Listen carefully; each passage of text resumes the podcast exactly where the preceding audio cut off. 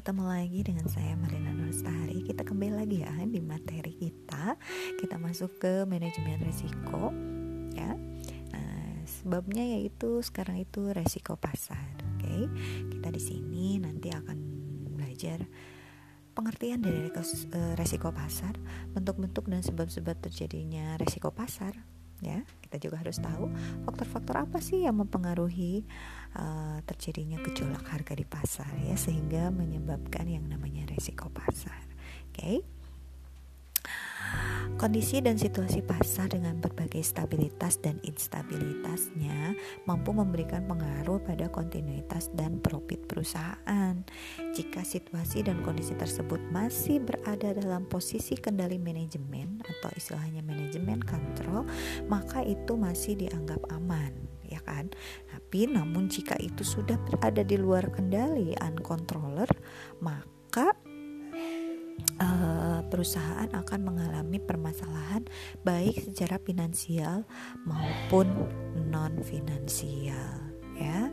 Nah, perusahaan dengan berbagai instrumen kebijakan yang dimiliki yaitu berusaha semaksimal mungkin ya kan untuk meminimal, uh, meminimalisasi bahkan berusaha menghilangkan yang namanya resiko pasar meskipun itu tidak bisa gitu ya. Kita menghilangkan resiko itu tidak bisa ya bukan tidak bisa sih maksudnya mungkin dan tidak mungkin gitu kan seperti itu ya. Jadi mungkin saja resiko itu hilang ya. Mungkin uh, atau bisa jadi resiko itu ya tidak. Tapi setidaknya kita sudah meminimalisir itu kan ya. Nah Walaupun secara fakta pada saat resiko pasar terjadi ya beberapa perusahaan harus melakukan strategi ya kan. Bisa merger ya akuisisi perampingan banyak ya divestasi diversifikasi konsentrik diversifikasi konglomerat diversifikasi horizontal dan sebagainya. Banyak ya di mana tujuannya ada berbagai sebab ada salah satunya yaitu apa? Kita ingin menyelamatkan perusahaan gitu ya. Nah bahwa keputusan yang dilakukan seperti itu harus dilakukan atas dasar pertimbangan-pertimbangan yang kuat dan melihat aspek pandangan yang jauh ke depan gitu ya. Kita harus future uh, aspek ya. Nah di mana uh, apa namanya future aspek ini adalah suatu dasar keputusan yang digunakan untuk menempatkan kinerja perusahaan. Bukan hanya bersifat stimulus namun lebih dari itu yaitu bersifat sustainability atau berkelanjutan ya.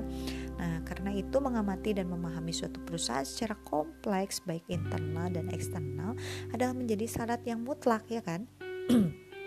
Nah, itu ya. Di situ adalah uh, perannya seorang manajer uh, yang profesional di mana jika ia bisa memahami dan mengem, apa, mengendalikan perusahaan secara profesional ya. Nah, seperti itu. Nah, baik kita masuk ke uh, definisi resiko pasar ya. Apa sih sebenarnya resiko pasar itu gitu kan? Nah resiko pasar merupakan kondisi yang dialami suatu perusahaan yang disebabkan oleh perubahan kondisi dan situasi pasar di luar kendali perusahaan. Jadi memang benar-benar di sini uncontroller gitu ya. Nah jadi Resiko pasar ini sering e, disebut juga sebagai resiko menyeluruh karena sifatnya itu menyeluruh. Jadi bersifat makro, tidak bersifat mikro ya. Jadi dialami oleh seluruh perusahaan, bukan hanya oleh satu perusahaan gitu ya. Jadi semua perusahaan. Nah, seperti ini sekarang ini lagi krisis nih ya. Sekarang tuh lagi krisis ya. Nah, ada wacana-wacana kita akan resesi gitu ya karena pandemi gitu ya. Nah, yang kena dampak itu siapa? Semuanya ya. Mau itu perusahaan besar mau itu perusahaan kecil ini semuanya kena dampak. Nah ini sekarang itu terjadi yang namanya resiko pasar gitu ya. Atau dulu nih krisis ekonomi Indonesia tahun 97 98 gitu ya. Nah itu kan uh, terjadinya resiko pasar ya. Semua kena dampak. Jadi apabila terjadi perubahan secara signifikan harga-harga pasar, di situlah yang namanya atau ada e, disebut sebagai resiko pasar ya. Kita ke tergambar ya, kita masuk ke bentuk-bentuknya itu seperti apa sih bentuk-bentuk resiko pasar? Sebenarnya ada dua jenis ya. Di sini ada general market risk ya Terus juga yang kedua ada spesifiknya, spesifik uh, market risk gitu ya seperti itu nah apa sih sebenarnya uh, kita bahas dulu ya yang apa general uh, market risk gitu ya atau risiko pasar secara umum. Nah, ini general market risk ini dialami oleh seluruh perusahaan yang disebabkan oleh suatu kebijakan yang dilakukan oleh lembaga terkait di mana kebijakan tersebut mampu memberi pengaruh bagi seluruh sektor bisnis ya. Nah, gitu. Jadi ketika pemerintahan kan ketika kalau yang mengeluarkan kebijakan kan pasti pemerintahan ya mengenai uh, ekonomi ini ya peraturan pemerintahan. Nah ketika pemerintah ini mengeluarkan suatu kebijakan ya di mana kebijakan tersebut mempengaruhi seluruh sektor bisnis. Berarti ini adalah general market risk ya kan? Ya. Nah di sini kalau saya diambil dari bukunya Irham Fahmi, di sini ada contoh pada saat bank sentral suatu negara melakukan kebijakan tight money policy atau kebijakan uang ketat. Nah, ini biasanya untuk menghindari yang namanya atau meminimalisir yang namanya inflasi gitu ya. Nah, biasanya money policy ini dengan berbagai instrumennya ya seperti menaikkan tingkat suku bunga gitu kan ya.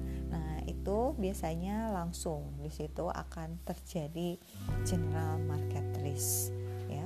Di mana ketika bunga naik BI rate naik ya kan ya. Nah, maka akan susah tuh uang beredar di pasaran seperti itu ya otomatis akan mempengaruhi harga pasar. Kalau harga sudah uh, berubah, ya, itu akan dampaknya ke mana-mana tuh, ya saham, harga saham juga pasti akan uh, apa berpengaruh. Terus juga pendapat karena kan pendapatan perusahaan juga akan terpengaruh juga, gitu kan seperti itu, ya obligasi juga gitu ya. Nah jadi ke mana-mana Yang kedua, spesifik market risk ya. Nah, di sini apa sih? Ini adalah suatu bentuk resiko yang hanya dialami secara khusus ya kan pada suatu sektor. Jadi ini hanya sebagian bisnis saja tanpa bersifat menyeluruh. Jadi ini sifatnya mikro ya. Nah, contoh nih ada pengumuman yang dikeluarkan oleh suatu lembaga penilai di mana lembaga penilai ini memiliki reputasi yang baik ya kan? Yang diakui oleh publik gitu ya. Misalkan apa BP POM misalkan kan seperti itu ya, ya kan? Itu lembaga penilai ya. Misalkan BP POM nah tiba-tiba aja BP POM mengumumkan bahwa PTA ini mempunyai produk yang istilahnya uh, berbahaya gitu. Memiliki kandungan yang berbahaya Nah, itu kan langsung. Itu akan berdampak secara langsung kepada perusahaan tersebut, ya kan? Nah, itu itu termasuk spesifik market risk, ya. Nah, atau misalkan salah satu perusahaan di mana pihak manajemen atau komisaris perusahaan ini terlibat tindak kriminal, misalkan langsung diekspos oleh media langsung kan opini publik uh, uh, akan terbentuk bahwa perusahaan tersebut itu tidak baik atau jelek. Nah, ini juga uh, salah satu contoh masuk ke spesifik market risk ya. Nah seperti itu ya atau tadi ya produk-produk bersih uh, mempunyai kandungan yang berbahaya atau misalkan haram gitu ya seperti itu ya uh, misalkan contoh waktu itu pernah ada ya restoran ini katanya oh, haram gitu ya. Tidak ada label halalnya ya. Padahal kan belum tentu juga sih sekarang ini ya. Nah ini resiko pasar ini sekarang ini uh, mudah sekali terbentuk ya karena dengan adanya teknologi informasi ya. Nah, kita juga uh, sering kali mencerna berita-berita yang tidak ber, uh, apa tidak dapat dipertanggungjawabkan gitu kan. Sekarang tuh zaman sekarang tuh ya seperti itu ya keadaannya. Jadi ini spesifik market risk ini akan uh, sangat apa ya sangat riskan sekali ya ini. Sangat apa ya terjadinya itu levelnya itu bisa uh, tinggi gitu ya untuk perusahaan. Jadi perusahaan juga harus hati-hati. Nah, jadi di sini perusahaan juga harus memikirkan yang namanya general market risk, yang kedua juga specific market risk ya. Nah, terbayang ya sekarang ya. Nah, yang bagaimana yang general market risk, yang bagaimana yang specific market risk. Oke. Okay? Nah, sekian saja dulu materi eh, resiko pasar ya. Jadi di sini kita eh, tahu dulu yang seperti apa resiko pasar juga bentuk-bentuk resiko pasar. Nanti next kita akan bahas yang seperti apa sih contoh-contoh dari general market risk gitu. Tadi kan hanya sebagian saja atau uh, definisi secara umumnya saja tanpa saya uh, apa namanya kemukakan ya. Sebenarnya yang spesifiknya seperti apa sih general market risk itu gitu ya tadi yang spesifik sudah terbayang oke okay?